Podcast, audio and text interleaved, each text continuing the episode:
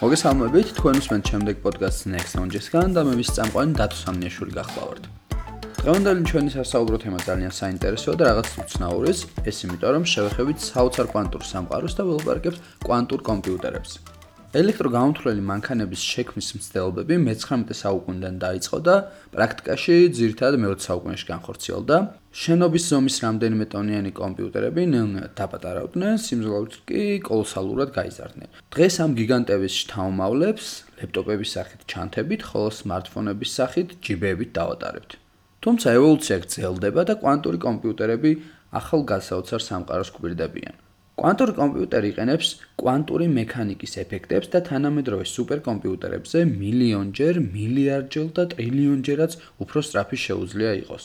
ჩვეულებრივი კომპიუტერისგან განსხვავებით, რომელიც ნულებსა და ერთიანების სერიებს ანუ ბიტებს გადაამუშავებს, კვანტური კომპიუტერი ეგრეთ წოდებული კუბიტებისგან არის შექმნილი, რაც მას ათასობით ან მილიონობით გამოთვლის თანადროული ჩატარების საშუალებასაც კი აძლევს. ბევრი დიდი ტექნოლოგიური გიგანტი Google-ის, Microsoft-ის თუ IBM-ის ჩათვლით ერთმანეთს მსგავს მოწყობილების შექმნაში ეჯიბრება. მნიშვნელოვანია სახელმწიფოებრივ დონეზე კონკურენციაც, მაგალითისთვის ჩინეთი მილიარდობით დოლარს ხარჯავს კვანტურ გამოთვლებში. სწორედ ამ მომავლის ტექნოლოგიების სასაუბროდ დღეს ჩვენი სტუმარი ერეკლე მაგრაძია, ილიას სახელმწიფო უნივერსიტეტის გამოთვლითი ცენტრის ხელმძღვანელი და ასოცირებული პროფესორი კომპიუტერული მეცნიერებების მიმართულებით. მოგესალმებით ერეკლე. მოგესალმებით.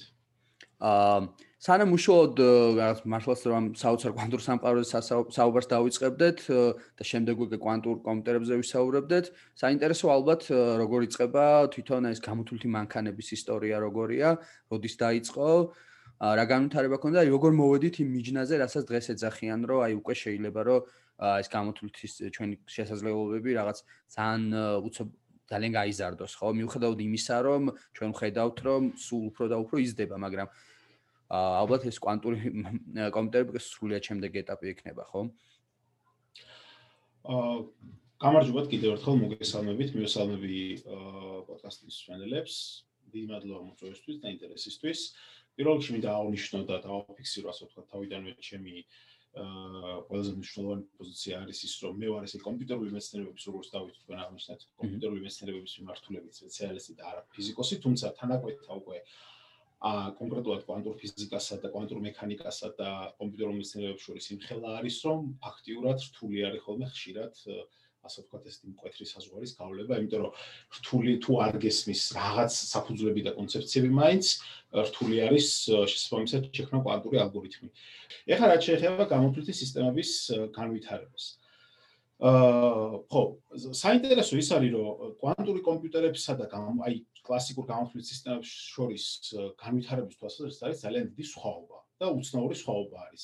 ესე იგი, თავიდან როდესაც დაიწყო გამოთვლითი სისტემების და გამოთვლითი მექანიზმების შემუშავება, ну ეს პირველი რა იყო? პირველი იყო ელემენტარულად აი ეს ჩოთქები რა ვიცი თუ ახსოვს ხის ხის ფუთლები რგოლები რო იყო და ამებით რო ანგარიშობდნენ მე ვიცნობდი რამდენიმე ისეთ ადამიანს რომელსაც რთული პროცენტის გამოთვლა შეეძლო აი ამ მექანიკური ანალოგური სისტემით რაღაც საოცრებს აკეთებდნენ აი ამ მარტივი მექანიზმით ხომ? შემდეგ რეალურად ეს ძალიან დიდი ხანია რაც არსებობდა ეს ასე ვთქვათ ესეთი საფრთხელის მექანიზმი შემდეგ არითმომეტრები იყო ბებიჯის მანქანა იყო შემდეგ ტურინგის მანქანა იყო და ასე შემდეგ ხო ამდენადა ვითარდებოდა საბოლოო ჯამში არ არსებობდა ერთიანი გლობალური კონცეფცია თუ როგორი უნდა ყოფილიყო გამოთვლითი სისტემა, გამოთვლელი მანქანა. ეს შეიძლება რეალურად უფრო ტურინგმა მოუყარა ამას ყველაფერს თავი და ჩამოაყალიბა რაღაც ერთიანი კონცეფციათ, მაგრამ აი ესე რომ ვიღაცას ეთქვა რომ აი ეს თქვა გამოთვლითი კომპიუტერი უნდა ყოფილიყო იყოს ესეთი, ასე რაღაც არ ყოფილა. პრაქტიკიდან გამომდინარე, თანდათან იქნებოდა, თანდათან ვითარდებოდა. გადაჭრდნენ რაღაც მარტივ ამოცანას, შემდეგ ვიქრობდნენ, აჰა, მოდი ახლა უფრო რაღაც იმას იყო, ხო, უფრო რაღაც ჩანაფიქრის სახით უფრო იყო, აი მაგალითად აი ჩარლზ ბებიჯი რო ახსენეთ, მაგ დროს მართლა რაღაც უფრო იდეა იყო, ვიდრე რეალურად ის, რომ როგორ შეიძლება და ეს კონკრეტულად განხორციელებულიყო, ხო? ხო, ანუ ჩარლზ ბებიჯის დროს უფრო როგორი სიტუაცია, როგორი მექანიზმები არსებობდა, რომ ნახევრად მექანიკური იყო, ანუ იქ აა რეალურად მექანიკურ იმაზე რა ქვია ბორბლებზე იყო აწყობილი არითმეტიკული ოპერაციების განხორციელება შეეძლო, შეკრება, გამოკლება, გამრავლება და ნუ რაც უფრო მეტ და რთულ და დიდ რიცხვებს შეკრებდნენ, გამოკლებდნენ და გამრავლებდნენ, მით უფრო ესე წარმატებული ითვლებოდა მექანიზმი და ამის შემდეგ აი ეს დაპროგრამების კონცეფციაც უკვე ნელ-ნელა შემოვიდა და რაღაცნაირად ეს იყო როგორი რაღაცა, იცით? აი მ ავიაციაში რო ავიაციაში უბრალოდ რო მიზანი ის რომ იყო რომ უნდა გაფრენილიყო თქვა თვითრინავი ხომ? და ეს იყო ასე თქვა ყველაზე ისეთი სამოყარი ოცნება ადამიანის და ჯერ საჰაერო ბუშტებით დაიწყეს შემდეგ რაღაც აეროპლანებით რაღაც რაღაც რაღაც და დღეს რა ვიცი ხო კონტინენტზე კონტინენტზე დაფრინავს თვითრინავი და გამოთვლით სისტემაშიც მსგავსი სიტუაცია იყო, იმიტომ რომ ესე დაუგეგმავად ვითარდებოდა, რაღაც ამოცანების გამოწვევების გადაჭრას ცდილობდნენ, ცდილობდნენ მე გადაეჭრათ უფრო პრაქტიკული და უფრო მნიშვნელოვანი ამოცანები, უფრო რთული და კომპლექსური და ну დღეს ახლა ოპერაციული სისტემები არსებობს, საკმაოდ რთული კომპლექსური სისტემები არის და ყველაფერი. აი კვანტური კომპიუტერების შემთხვევაში საერთოდ განსხვავებული სიტუაცია არის. აა 1972 წელს ну როგორც ეს ეს ზუსტად შეიძლება 72 იყო თუ 70-იან წლების დასაწყისი მოდი ესე ვთქვა ხო? აა პეინმანი იყო ესეთი ამერიკელი ფიზიკოსი ცნობილი რომელიც მუშაობდა კვანტური კვანტური ელექტროდინამიკის მიმართულებით ერთ-ერთი ურთულესი დარგი არის. აა ხო და ნობელის პრემიაც აქ ამ მიმართულებით მიღებული. და პეინმანმა თქვა ესეთი რაღაცა რომ აა იმისთვის რომ შევისწავლოთო ჩვენ კვანტური სისტემებიო რთული კომპლექსური კვანტური სისტემებიო და ამ შემთხვევაში ის გულისხმობდა მაგალითად მოლეკულურ სტრუქტურებს, იონურ სტრუქტურებს, რომელიც განსაკუთრებით აი ეს ასე ვთქვათ ფიზიკური ქიმიის სფეროს მიეკუთვნება. მარტივად რო ვთქვათ, აი დღეს მაგალითად ხა კორონავირუსის ვაქცინის შესაქმნელად ხომ აუცილებელი არის ზუსტად აი ეს უზარმაზარი გამოთვლების წარმო გამოება შესაბამისი სწორი, ასე ვთქვათ, მოლეკულური სტრუქტურის დასადგენად, ვაქცინის მოლეკულური ან ცილის მოლეკულური მოლეკულური სტრუქტურის დასადგენად. აი ეს გამოთვლითი რესურსები რეალურად დაკავშირებული არის ძალიან ბევრი შესაძლებლობის გადარჩევასთან. და თვითონ ეს მოლეკულაც არის კვანტური სტრუქტურა და აი ამ კვანტური სტრუქტურების და სისტემების მოდელირებისთვის მაშინ 70-იან წლებში რა თქმა უნდა არის საკმარის გამოთვლითი რესურსი და პეინმანი ამბობდა რომ მეც არ იქნებაო და აი ამ რთული სტრუქტურების მოდელირებისთვისო კარგი იქნებაო თუ შევქმნითო სხვა კვანტურ სისტემას. ანუ ერთი კვანტური სისტემის მოდელირებისთვის გამოვიყენებთ სხვა კვანტურ სისტემასო და 80-იან წლების დასაწყისში მე მგონი 1992 წელი იყო. როდესაც გამოჩნდა ეს პირველი სტატია ფიზიკა კომპიუტერების გამოყენებით, სადაც უკვე აღწერა ეს კვანტური კომპიუტერის კონცეფცია, ჩამოაყალიბა როგორ უნდა იმუშაოს და აი ესე რეალურად ანუ ყველაფერი იმისგან განსხვავებული როგორც ვითარდებოდა კლასიკური გამოთვლის სისტემა აქ უბრალოდ პირდაპირ ესე მოვიდა ერთ კაცი. თქვა რომ აი ესეთი უნდა იყოს კვანტური კომპიუტერი. და მორჩა იმის მერე მუშაობს მოკლედ ტელეკაცობრიობა მაგაზე რომ გააკეთოს ის რაც დაწერა. ხო, თუმცა აი ძალიან საინტერესოა ის თვითონ რა არის ხო ეს კვანტური მექანიკა რაღაც ნონეზე ესეც რომ მოვიცოთ, იმიტომ რომ თელი იდეაც ხო ის არის, რომ ვიყენებთ რეალურად კვანტური მექანიკისთვის დამახასიათებელ ფუნქციებს, როგორც არის მაგალითად სუპერპოზიცია, ან შეიძლება ის განუზღრელობა იყოს, რავი, ნაწილაკების ჩახლართულობასაც ეძახიან ამას, ხო? ეს არის თავარი პრინციპი რეალურად რატომაც ყოველს უნდა რომ კვანტური კომპიუტერები შექმნან, იმიტომ რომ დღეს არსებული ბინარულ სისტემას ამბობ, ხო? დღეს არსებული კომპიუტერული არის რეალურად 0-სა და 1-ზე და უწევს რაღაც როგორ როგორ თქვა რომ აი რაღაც სხვადასხვა როდესაც რაღაც ასრულებს უწევს 0-ს და 1-ით აა გადაჭრა ამ პრობლემის და აი კვანტურ შემთხვევაში უკვე საუბრობთ იმაზე რომ ერთდროულად შეიძლება ამას იყოს 0-იც და 1-იც და შემდეგ როცა დიდ გამოთვლით იმებზე გავდივართ ეს უკვე კოლოსალური განსხვავებაა ხო? აი ესეც რომ მოვიცვათ თვითონ კვანტური მექანიკის საფუძვლები და როგორ როგორ მიუხვდით და როგორ დაგჭირდა სიტყვაზე ეს მართლაც ბევრისთვის მაგიაც არის დღემდე ხო? გაუგებარია როგორ შეიძლება ერთი ნაწილაკი ორ ადგილას იყოს სიტყვაზე ერთდროულად ან ამ შემდეგ. კი ეს ხო ეს ორ ადგილას კი არა სინამდვილეში მეტ ადგილას შეიძლება იყოს მთელი სუპერპოზიციის მთელი იდეა მაშინ მდგომარეობს ნუ ეს მაქს პლანკის დროიდან მოყოლებული არსებობს ეს ფენომენი როდესაც აკეთებდა ამ ცნობილ ექსპერიმენტს რომ აა, როდესაც დაადგინა რომ რეალურად ტალღის თვისებები აქვს თქვა ელემენტარულ ნაწილაკებს და არა ვთქვათ ჩვენ წარმოქმნიდან შეიძლება ბევრს წარმოქმნიან რომ ელემენტარული ნაწილაკი მაგალითად ელექტრონი არის რაღაც ისეთი ბურთი, არა, ეს არის ტალღის თვისების მატარებელი, ორმაგი თვისება. ორმაგია, ხო, მეგარი. ხო, ორმაგი ბინარული თვისება, ტალღისაც და ასე ვთქვათ, ჩვეულებრივი ბურთისაც მარტივად რო ვთქვათ, გავამარტივოთ. ხო, შემდეგში დაიწყეს აი ამ ნაწილაკების გაზომვა. მივიდნენ ესე იგი იმ დასკვამდე რომ გაზომვით რაღაც თვისებებს კარგავს ეს ნაწილაკები და შესაბამისად მე დაფიქრდნენ რომ რა თვისებები შეიძლება იყოს ეს ისეთი რომ გაზომვის შედეგად იკარგება და გაზომვამდე გვაქვს ესეთი ბევრი ასე ვთქვათ ნაწილაკი. მე ძალიან ესე იგი ბრწყინვალე ტვინები იმ პერიოდის და იმ ეპოქის 19-20 საუკუნის აა დაფიქრდნენ და რეალურად აა ჩამოყალიბდა ის მიდგომა, რომ ესე იგი ნაწილაკი შეიძლება იყოს ერთდროულად ყველა მდგომარეობაში, აა ყველა დასაშვებ მდგომარეობაში. ახლა ახლა ეს რას ნიშნავს და მოკლედ ახსნი ამასაც. ამას ამას ეძახიან ასე ვთქვათ განუსწრებლობას ან სუპერპოზიციის მდგომარეობას. ანუ რისიც აინშტაინსაც არეჯერა ხო ძალიან დიდხანს ანუ ამბობდა რომ მეთი ღმერთი გამოთ დართამაშებს ხო რაღაც. ხო, ანუ აინშტაინი რეალურად არ იყო დეტერმინისტი იყო უფრო რაღაც.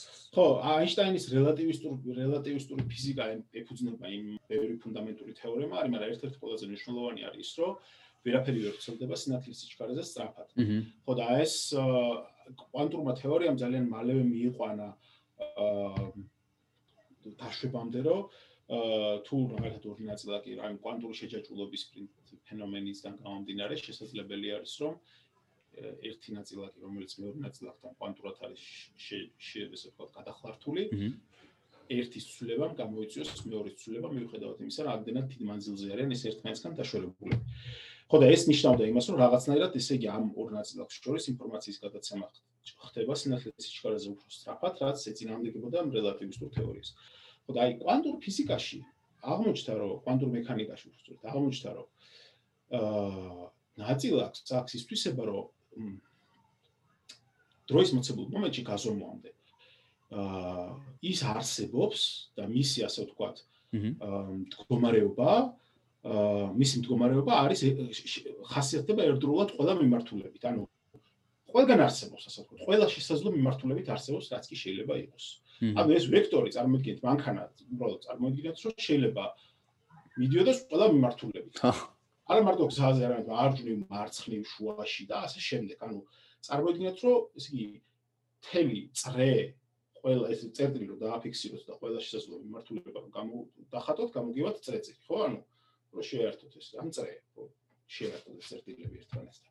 გამოგიათ რომ ამ წერტილიდან ნებისმიერ მიმართულებით 360 გრადუსით შეგიძლიათ წახვიდეთ.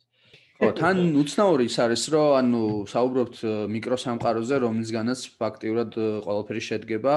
თუმცა მაკრო სამყაროში როგორცაც ჩვენ ყოველდღიურობაში ხედავთ ეს ესე არ მუშაობს ხო? და ალბათ ეს ეს იქნებოდა ყველა იმიტომ რომ მაკრო სამყაროში შევხედოთ წარმოიდგინეთ სიტყვაზე ეხა უხეშად რო თქვა რაღაც ტელევიზორი რომელიც აქ დგას გავხედავ ტელევიზორი აქ არის და ვიხედები და ტელევიზორი მეორე ადგილასაც არის ხო? და ახლობით სპეკულაცია რომ მოახდინოთ და ახლობით რაღაც ეგეთი გამოდის ხო მაკრო სამყაროში აი რატო რატო ხო ძალიან ესეთი მნიშვნელოვანი და ბუნებრივი კითხვა არის, რაც შეიძლება ყველას გავაუჩნდეს, რომ თუ ეს ესე ყველგან შეიძლება იყოს, ან ერთდროულად ერთი და იგივე რაღაცა ბევრგან შეიძლება იყოს, რატო არ არის ეს ჩვენ გარშემო ეს?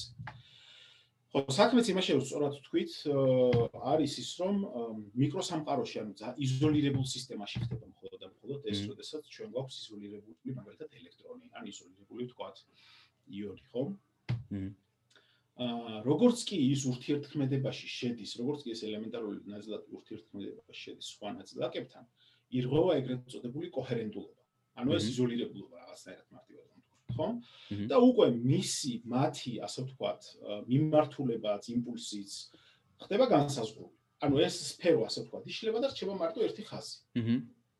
ამიტომ როგორც კი ჩვენ ასე ვთქვათ ურთიერთქმედებთ ერთმანეთთან, ურთიერთქმედებთ სამყაროსთან, ეს მიკროსამყარო ჩვენთან ურთიერთქმედებს და ხდება ასე ვთქვათ რეალობის ფიქსაცია, ეს კოჰერენტულობა, ანუ ეს კვანტური ეფექტი ირღვევა და ჩვენ ხედავთ მარტო ერთ რეალობას. ანუ იქ ბევრი სპეკულაცია სპეკულაციაც არის. პარალელური სამყაროების თეორიები და რომ ჩვენ ხედავთ რაღაც ერთ ხაზს მიუყვებით და ამის პარალელურად არსებობს ყველანაირი ვერსია. ნუ ეს ხო, ნუ ეს პოპკულტურამაც აიტაცა ძალიან და ნუ რაღაც ამისრო ფანტასტიკას ძალიან უყვარს ეს და ნუ არიან სხვა შევსაბამებლობა. კი, კი, კი, იყო ეს და არის კიდევაც და რეალურად ეგ არის ერთ-ერთი დაშვება. ხო, ანუ ეგ კიდე ცალკე თემაც არის ხო, ეხლა. კი ბატონო.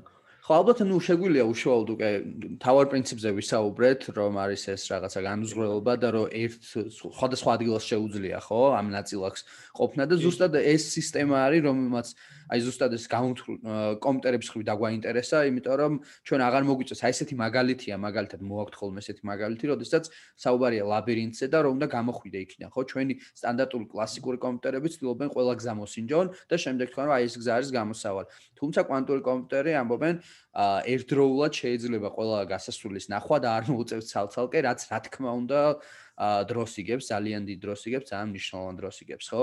უკვე აი უშუალოდ ამაზე გადავიდეთ კვანტურ კომპიუტერებზე. რა პრინციპია ეს და აი რა არის მისი ბენეფიტები, მთავარი პლუსები რა არის მისი? და ეს შემდეგ. კი ბატონო. აა ხო, ანუ იმისთვის რომ გადავიდეთ ესე კვანტურ კომპიუტერებზე, კუბიტზე უნდა ვისაუბროთ. რა არის ბიტი, რა არის კუბიტი? ხო, ჯერ ხო, რა რა განსხვავება მათ შორის. აა ხო, ბიტი არის რეალური ინფორმაციის ერთეული, რომელიც არის 0 ან 1, წარმოქმნილი არის ჩვენ კომპიუტერებში, თანამედროვე კომპიუტერებში. კუბიტი რა არის? კუბიტი არის კვანტური ბიტი, ანუ რადგან თქვით რომ არსებობს იგი ეს განუზღრელობის მომენტი, კუბიტს აქვს, ასე ვთქვათ, კუბიტი, კუბიტიც არის ბიტის ბიძაშვილი, ასე ვთქვათ. და მას აქვს 1-იც 0-იც და 1-სა და 0-ს შორის სხვა ბევრი უამრავი მნიშვნელობაც ერთდროულად არის ამ ყველაფრის მატარებელი. ეხლა რო წარმოვიდგინოთ ესეთი რაღაცა, ხო? აჰა. ანუ გამოდის რომ ესე იგი მე 1 ბიტ ინფორმაცია შემიძლია ჩავწერო 1 ან 0. ერთ კუბიტში შემიძლია ჩავწერო 1-იც და 0-იც, ანუ 2 ბიტი. აა 2 კუბიტში შემიძლია ჩავწერო უკვე 4, ანუ რო წარმოვიდგინოთ წვილები, ხო? 0 0 0 1 1 0 1 1. სამ კუბიტში შემიძლია ჩავწერო 8 კომბინაცია, რო წარმოვიდგინოთ 0 0 0 0 0 1 და ასე შემდეგ 1 1 1-მდე. აა და კუბიტების რაოდენობის ზრდა ქმნის იმ შესაძლებლობას, რომ აა ესე იგი ერთ ერთ ერთეულში, ერთ მატერიალურ ერთეულში, ხო? აი თქვათ პროცესორს აქვს რაღაც მავთული, ხო? წარმოიდგინეთ ტრანზისტორი, ასე ვთქვათ, ხო? აი ერთ ტრანზისტორში ერთი ბიტის მაგივრად შეიძლება ჩაწეროთ ორი ბიტი და რაც უფრო ბევრი გაქვთ ეს ტრანზისტორი, მაგალითად თუ გაქვთ აა 10 ბიტი, 10 ტრანზისტორი, ხო, ასეთი კვანტური ტრანზისტორი უფრო შედრო ვთქვათ. მაშინ თქვენ გაქვთ ორი ხარისხი 10, ანუ 1024 ბიტის ჩაწერის საშუალება, როდესაც 10 ჩვეულებრივი ტრანზისტორის შემთხვევაში იქნებათ მარტო 10 ბიტის ჩაწერის საშუალება. ანუ აა რეალურად კუბიტსა და ბიტ შორის განსხვავება არის ის, რომ აი ამ კვანტური სუპერპოზიციის თვისებიდან გამომდინარე, მასში შეგვიძლია ჩვენ ერთდროულად გქონდეს ძალიან დიდი მოცულობის ინფორმაცია. აჰა. ეხლა რო შევადაროთ ეს და უკეთესად რო წარმოვიდგინოთ, ხომ? Google-მა გამოაცხადა რომ მას მას შექმნა 53 აა კუბიტიანი სისტემა, და მოიპოვა ესეთი კვანტური უპირატესობა. ეხლა რას ნიშნავს ეს კვანტური უპირატესობა? ხო. ხო. ეს კვანტური უპირატესობა ნიშნავს, რომ მან აჯობა გამოთვლები, გამოთვლითი სიმძლავრით აა IBM-ის მიერ შექმნილ კომპიუტერს, რომელსაც ქვია Summit. IBM-ი თვითონ აწარმოებს პროცესორებს, Power-ის პროცესორები ქვია. ესე იგი 9300-მდე პროცესორი ქონდა, რომელთაგან თითოეული პროცესორი იყო 22 ბირთვიანი. და კიდევ იყო ძალიან ბევრი Tesla V100-ის, მე მგონი 30 28000-მდე Tesla V100-ის მოდელის ვიდეო ბარათი. ამ ყველაფრით იყო აღჭურვილი ეს სამიტი. ანუ უზარმაზარი გამოთვლითი რესურსი იყო. და აი ამ სამიტს, IBM-ის სამიტს აჯობა 53 კუბიტიანმა, ანუ წარმოიდგინეთ, აქ იყო რა ვიცი, დაახლოებით 50000 უხეშად რო თქვა ტრანზისტორი. იქ იყო 53 ტრანზისტორი. აი 50000 ჩაოლებრივ კლასიკურ ტრანზისტორს ძალიან უხეშად ლაპარაკობ რა თქმა უნდა ბევრად მეტი იყო. აჯობა 53-მა კვანტურმა ტრანზისტორმა. ანუ აი სიმძლავრეებს შორის განსხვავება ესეთია და მიიღეს კვანტური განსხვავება, უბრალოდ კვანტური უპირატესობა. აა რაც გულისხმობს იმას, რომ აჯობა გამოთვლების ერთდროულად გამოთვლების რაოდენობაში კვანტურმა კომპიუტერმა სტანდარტულ კომპიუტერს. რეალურად არაფერი რთული არ გაუკეთებიათ, იქ იყო სპეციალური ალგორითმი, რომელიც აკეთებდა ერთდროულად შემთხვევითი რიცხვების შერჩევას.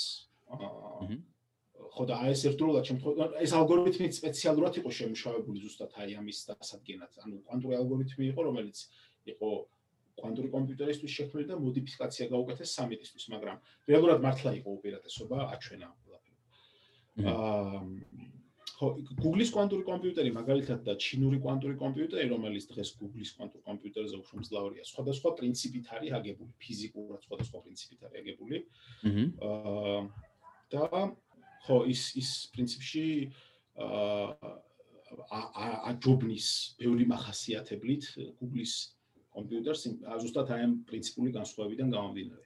ცოტა ხნის წინ იყო მაღაზია ახალი ამბავი ზუსტად, რომ თვითონ როგორც ამბობენ, რამდენიმე მილიარდში უფრო სწრაფია მათი კომპიუტერი ვიდრე ფულია, იმიტომ რომ ამ მე რამდენადაც ვიცი აი ამ ინფორმაციას თვითონ ასე გამჭვირვალეთ არასაჯეროებენ, მაგრამ თავარი პრობლემა რა არის ახლა თვითონ ამ კვანტური კომპიუტინგის ტექნოლოგიების მხრივ. თავარი პრობლემა არის ეგრეთ წოდებული ხმაური. თქვენ იმისთვის რომ მაგალითად რაღაც ინფორმაცია ჩაწეროთ კუბიტში, ხომ? ან კუბიტების ან ჯერ ერთ კუბიტში ინფორმაციას კი ჩაწერთ, მაგრამ ეგ არ არის საკმარისი. აჰა. მინიმუმ 10 კუბიტი მაინც გჭირდებათ, რომ რაღაც ღირებული ინფორმაცია ჩაწეროთ და რაღაც ღირებული გამოთვლა აწარმოოთ.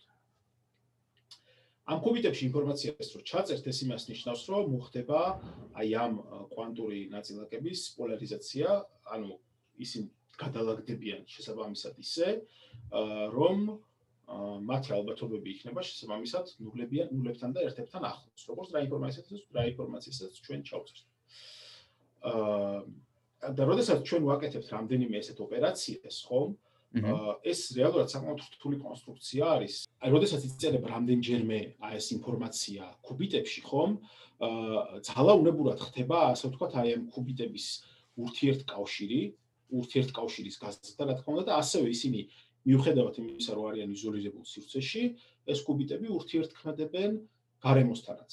ანუ მინი მიკრო მიშეხებაც კი რაღაც გარემო ნაწილაკთან, ასე ვთქვათ, იწვევს ამ კოჰერენტულობის დარღვევას და შენ ინფორმაცია შეიძლება დაიკარგოს. 0 სინამდვილეში ჩაიწეროს შეიძლება 1. ან ჩაიწეროს 0.5.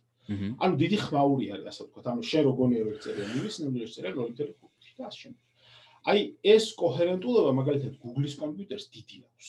იმიტომ რომ სხვა პრინციპია და ჩინურ კომპიუტერს კოჰერენტულობა ბევრად უფრო დაცული აქვს. იმიტომ რომ ის არის ასე ვთქვათ ნახევრად ამრეკლის სარკების გამოყენებით აწყობილი, სადაც აი ამ პოლარიზება ის რა ქვია, კვანტური ნაწილაკების პოლარიზაცია ხდება უკვე ცოტა სხვა პრინციპით. ვიდრე ვთქვათ Google-ის კომპიუტერია, Google-ის კვანტური კომპიუტერია. ტექნოლოგიებიც განსხვავდება. ზოგი აკეთებს მაგალითად კუბიტებად იყენებს ზოგი იონებს, ზოგი იყენებს თქვა მთლიანად ატომს, ზოგი იყენებს თქვა ელექტრონს, ხო? აი ფოტონსაც ხო ფოტონს, რა თქმა უნდა, ბოდიში.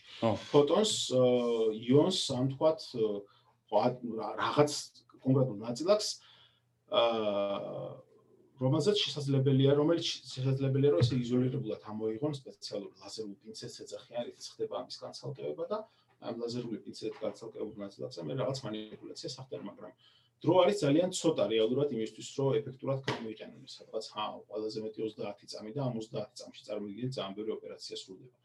ეხლა რეალურად პროგრამირების კუთხით რო შეხედოთ, ხო, თქვენ სადღაც რესურსი კვანტურ კომპიუტერს აქვს, რომ გამოთვალოს, გააკეთოს სადღაც 1000 ოპერაცია, მეტი არა.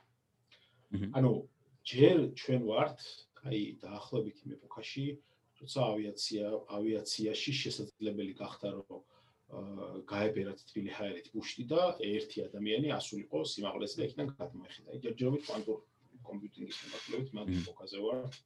ან ძალიან საწყის ეტაპია ხო რეალურად ანუ? ძალიან საწყის ეტაპია კი. მ რაღაც იმასაც ხო. არ გავს აი თავიდან სიტყვას ჩვენი კლასიკური კომპიუტერები რო იყო ხო? იყო სიტყვაზე აი მეორე მსოფლიო ომის დროს რამდენიმე ტონა იყო ეს კომპიუტერი რაღაცა მთელს იმას მოიცავდა ხო რაღაც მთელ შენობაში შეიძლება და ყოფილიყო განთავსებული და აი დღეს დღევანდელი ჩვეულებრივ ლეპტოპზე უფრო სუსტიც იყო რაღაც დონეზე გამოთვლებით და აი რაღაც ეგეც ხო არ გავს იმ ხრივ რომ ანუ საწყისების კუთხით რა სიტყვაზე იმიტომ რომ ძალიან გავს კი. და აი განსაკუთრებით ახლა ბოლო რამდენიმე წლის კვლევებმა მიმართულებით ძალიან გააუმჯობესეს ტემპი კვანტური კომპიუტინგის ტექნოლოგიების განვითარების რა თვალსაზრისით ახლა რომ აი მაგალითად Google-ს Google-ის კვანტური კომპიუტერისთვის საჭირო არის თითქმის ნულთან მიახლოებული აბსოლუტურ ნულთან მიახლოებული ტემპერატურა, ვაკუუმი, ლაზერები, მოკლედ მარტო ერთი საცოდავი კვანტური კომპიუტერი რო შექმნათ, რა ვიცი, ძალიან დიდი თანხა და ნუ ამის მასიურ წარმოებაზე ლაპარაკი რა თქმა უნდა ჯერჯერობით ზედმეტია. თუმცა ამბობენ რომ 2025 წლისთვის შეიძლება რაღაც წავიდეს მასიურ წარმოებაშიო ნახოთ. აა ხო და აი ხლა ბოლო რამდენიმე წლის მიღწევებმა რეალურად თეორიულმა მიღწევებმა აჩვენა რომ უკვე ოთახის ტემპერატურაზეც არის შესაძლებელი აჰა გარკვეული ისეთი დაწილაკების ეფექტების ჩამოშორება რომელიც მაგალითად იწვევს ნაწილაკების მწყობრად და ერთი სიჩქარით მოძრაობას. ანუ აა ლაზერი, ანუ რეალურად რასაც უზრუნველყოფს ლაზერი, ხო? ეს ლაზერი არის მართვა მართული ნაწილაკების მართული ასე კი კონტროლირებადი მართული დაკადი, ხო?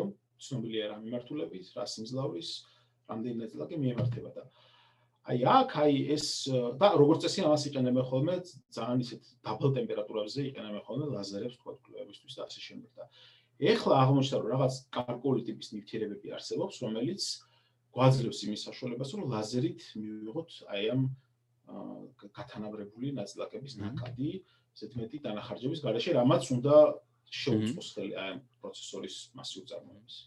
აი საინტერესოა და მე დამაინტერესა ყოველ შემთხვევაში ამ წამს რომ აა როგორი იყო სიტყვაზე მოლოდინები, როდესაც აი გინდაც 40-იან წლებში ან 50-იან წლებში, როდესაც აი მაშინაც მაშინდელი, ესე ვთქვათ, ვინც ამ კომპიუტერებზე მუშაობდა, იყო ესეთი იმედები ჰქონდათ, რომ სიტყვაზე რაღაც რამდენიმე წლის შემდეგ, გინდაც 50-60 წლის შემდეგ ეს კომპიუტერები გინდაც აი მართლა ჩვენს ჯიბეშიც კი ვატარებთ ხო? ანუ შეიძლება ჯიბეზე არ ქონდათ ზუსტად არ ეფიქრათ ეგ მაგრამ ქონდათ ესეთი იმედები. და რამდენად აქვთ აი იმ ადამიანებს მაგალითად ვინც დღეს მუშაობენ კვანტურ კომპიუტერებზე რომ იგივე შანსი არის სიტყვა აი ამის აი ამის დაკავშირება მინდა რომ თუ არის იგივე ლინკები გინდათ ძალიან გავს ერთმანეთს კლასიკური გამოთვლითი სისტემების შემთხვევაში, რასაც ჩვენ დღეს ვიყენებთ, ხო?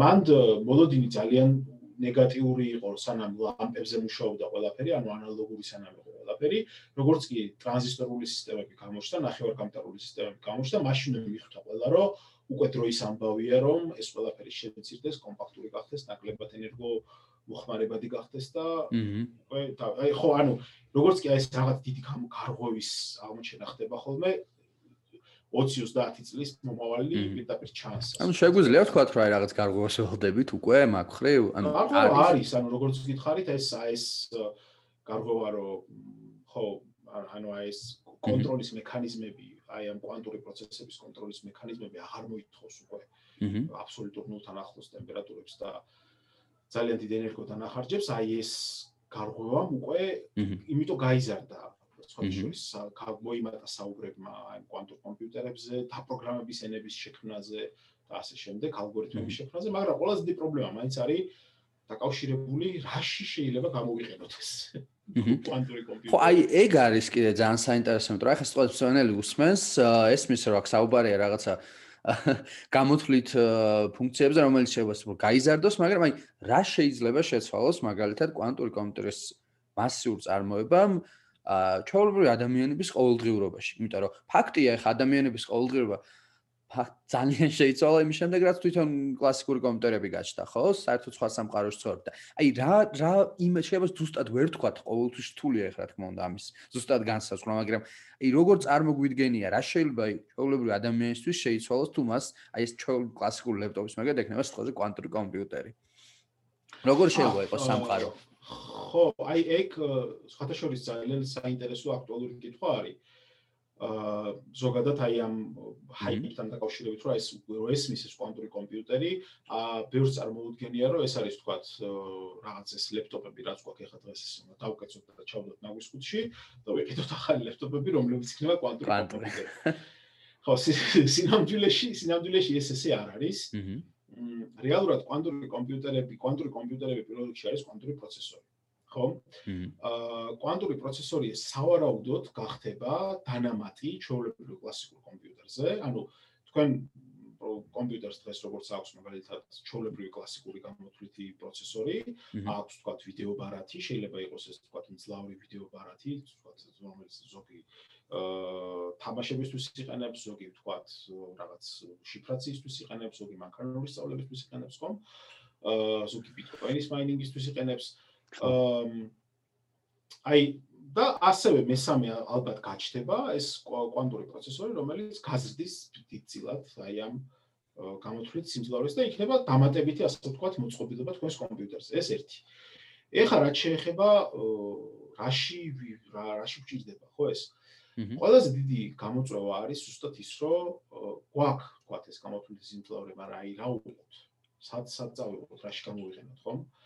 ალბათ მაინც ეს ძალიან ისეთი სპეციფიური ტიპის მოწყობილობა, ანუ ეს კვანტური პროცესორი, რომელიც გამოყენებული იქნება პირველ ეტაპზე აა განსაკუთრებით ქიმიკოსების და ბიოქიმიკოსების და ვირუსოლოგების მიერ, რომლებიც რომელიც მედიცინაში. მერტე საუკუნე. მედიცინაში არა, აი უფრო უჯრედის კვლევაში, ცილების კვლევაში, ვირუსების კვლევაში, ხო? ადამიანის გენომის ანალიზში, აი მაგალითად დღეს რო PCR ტესტი ტარდება ხომ? ეს თლიანად ქიმიური ტესტი არის. აა თქვათ კორონავირუსის აღმოსაჩენად არის თუ არა ადამიანი დაავადებული თლიანად ქიმიურ ქიმიურ ასე ვთქვათ მარკერებზე არის დამოკიდებული და აა ესეთი ქიმიური ექსპერიმენტების ჩატარება ხო ძალიან ძვირიჭდება ზოგადად ამისთვის არსებობს ცალკე მიმართულება ეს ქიმიური ფიზიკა თქვათ გამოთვლითი მიმართულებები არის ქიმიაში და ბიოქიმიაში, რომელიც სწავლობს აი ამ უზარმაზარ მოლეკულებს და ამ მოლეკულების თვისებებს და ეს მოლეკულები თვითონ რა თქმა უნდა არის კვანტური სისტემები.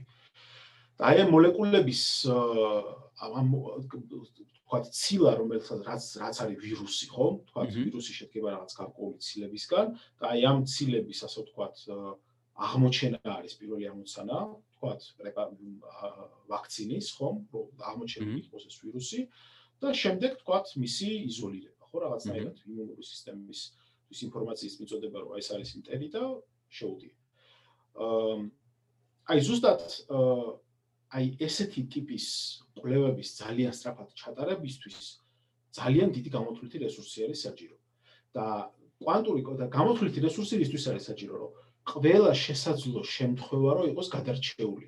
ანუ უცებ იმას ის ცილაში გაქვთ რამდენიმე ასეული ან 1000 ვთქვათ, რაღაც პატარა მოლეკულა ან კიდე უფრო პატარა ატომი და თქვენ გჭირდებათ მოიგონოთ რაღაცა ისეთი მეორე ცილა, რომელიც მიხვდება, რომ აი ეს არის ვირუსის ცილა, ეს არის ვირუსი.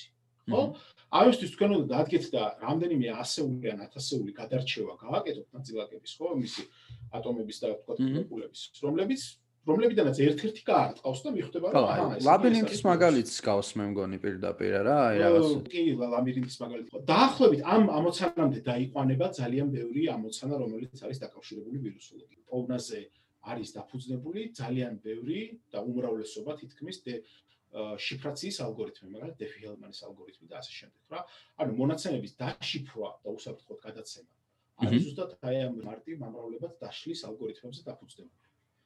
ეხლა აღმოჩნდა რომ შვენი კვანტური კომპიუტერი ამ მარტივ მომრავლებს ძალიან სწრაფად პოულობს. აჰა. იგი უსებ შეიძლება რომ გატეხოს. ხო, აი ხა ერთის მხრივ ეს ისეთი ამბავი არის, სიახლე არის საშიში.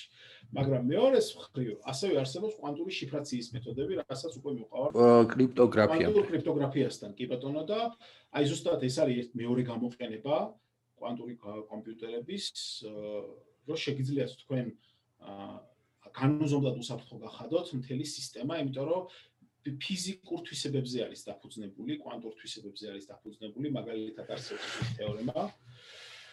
აა კლონირების აკრძალვის თეორემა ქვია. აჰა. კლონირების აკრძალვის თეორემა ამბობს ეს რაღაცას, რომ თქვენ ვერ შეძლებთ შექმნათ ფოტონი ზუსტად იგივე კვანტურ მდგომარეობაში, რა კვანტურ მდგომარეობაში ის გაზომეთ. აჰა. ანუ რომ გაზომოთ ფოტონს და რაღაც კვანტურ მდგომარეობას და ფიქსირებთ ისეს, ხო? ვერაფერ ვერ გაიმეორებთ ზუსტად ანალოგიურ მდგომარეობას. აჰა.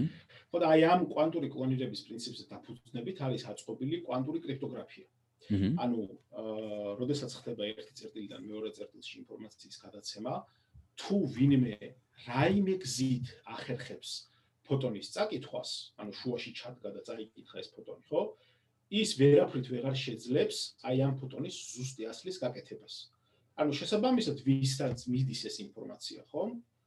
მაშინვე მიხვდება, რომ დაზიანებული არასწორი ინფორმაცია. მიუღეგრო, ხო, კი. ხო, შეტყობინებას მიიღებს, რომ ესე იგი ის გასაღები, რასაც იღებენ, იყენებენ ასე. კრიპტოგრაფიული გასაღები, რასაც იყენებენ ინფორმაციის გადაცემა, დაზიანებულია და უნდა განაახოროს და დაცვა იქნება ავტომატურად უზრუნველყოფილი წამიერად. ეს არის სამიქიდან გამოსავალი. ეს არის მეორე უდიდესი სარგებელი. აა ხო, პრინციპში ეს არის ალბათ ორი ისეთი ძალიან ისეთი თვალსაჩინო მაგალითი. კიდე ოპტიმიზაციის ამოცანები არის აი მე რა გამახსენდა იცი და ახლა მაგალითად იმაზე რომ საუბრობდით გამოთვლების სიმძლავრეზე ხო? აი აა, ჩინელებმა რომ თქვეს თავის ახალ აა, კვანტურ კომპიუტერზე რომ სულ რაღაც რამდენიმე თვის წინ იყო ეს ჯიუზანგი დაარქვეს თუ არ მეშლება სახელი. საუბარი იყო რაღაც აა, ანუ ჩინეთში დღეს არსებულ ყველაზე მსხლავი იმ კლასიკურ სუპერკომპიუტერთან შედარებით აა, საუბარი იყო რომ რაღაც 100 ტრილიონჯერ უფრო სწრაფად მოახდინა გამოთვლა ანუ. და ანუ ეს ხო ეხა ერთი შეხედვით აა, ეს არის რა ქვია ანუ ან წარმოუდგენელი ციფრებია, ხო? წარმოუდგენელ სუპერკომპიუტერი, რომელიც რაღაც დღეს ყველაზე მძლავრია, მაგრამ ამ გამოთვლას ანდომებს რაღაც ძალიან დიდ დროს. მანდ იყო საუბარი ასევე იმაზე, რომ მაგალითად ამას მოანდომა 200 წამი. და სუპერკომპიუტერს, ჩინურ კომპიუტერს ამის დაჭirdებოდა სადღაც 3 მილიარდ წლამდე, ანუ უბრალოდ აი აქ არის ერთი მომენტი, ხო, როდესაც ამას ვეცნობოდი ამ თემას, მანდ არის რომ ეს კვანტური კომპიუტერი როგორც ძირითადად ყველა კვანტური კომპიუტერები რაც დღეს იქმნება არის სპეციალიზირებული უფრო ხო? ანუ ამ შემთხვევაში ხო ფიქსის ბოზონის შერჩევის შემთხვევაში რაღაც აკვირდებოდა და აი ამ კონკრეტულ რაღაცას და აა მე დამაინტერესა იმან აი როგორ შეიძლება ეს რო გახდეს აა მულტიფუნქციური რა ანუ თუ იგივე აი როგორ შეიძლება რომ სიტყვაზე აი რა იქნება შემდეგ ეტაპი რომ ამან შეძლოს რამდენიმე ან ნებისმიერ რაღაც შესრულება მოკლედ. აი დაახლოებით როგორც კლასიკურ კომპიუტერებს შეგვიძლია. აი ეს ალბათ ძალიან რთულია. ხო, აი ძალიან ისეთი აქტუალური და ძალიან სწორი შეკითხვა არის.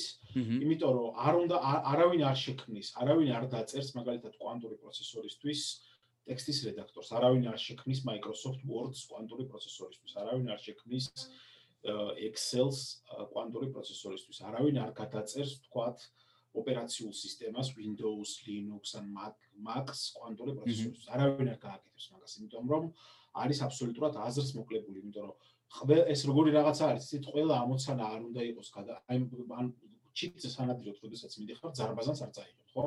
აა წაიღებთ იარაღს, შესაბამის საფანტის თოფს.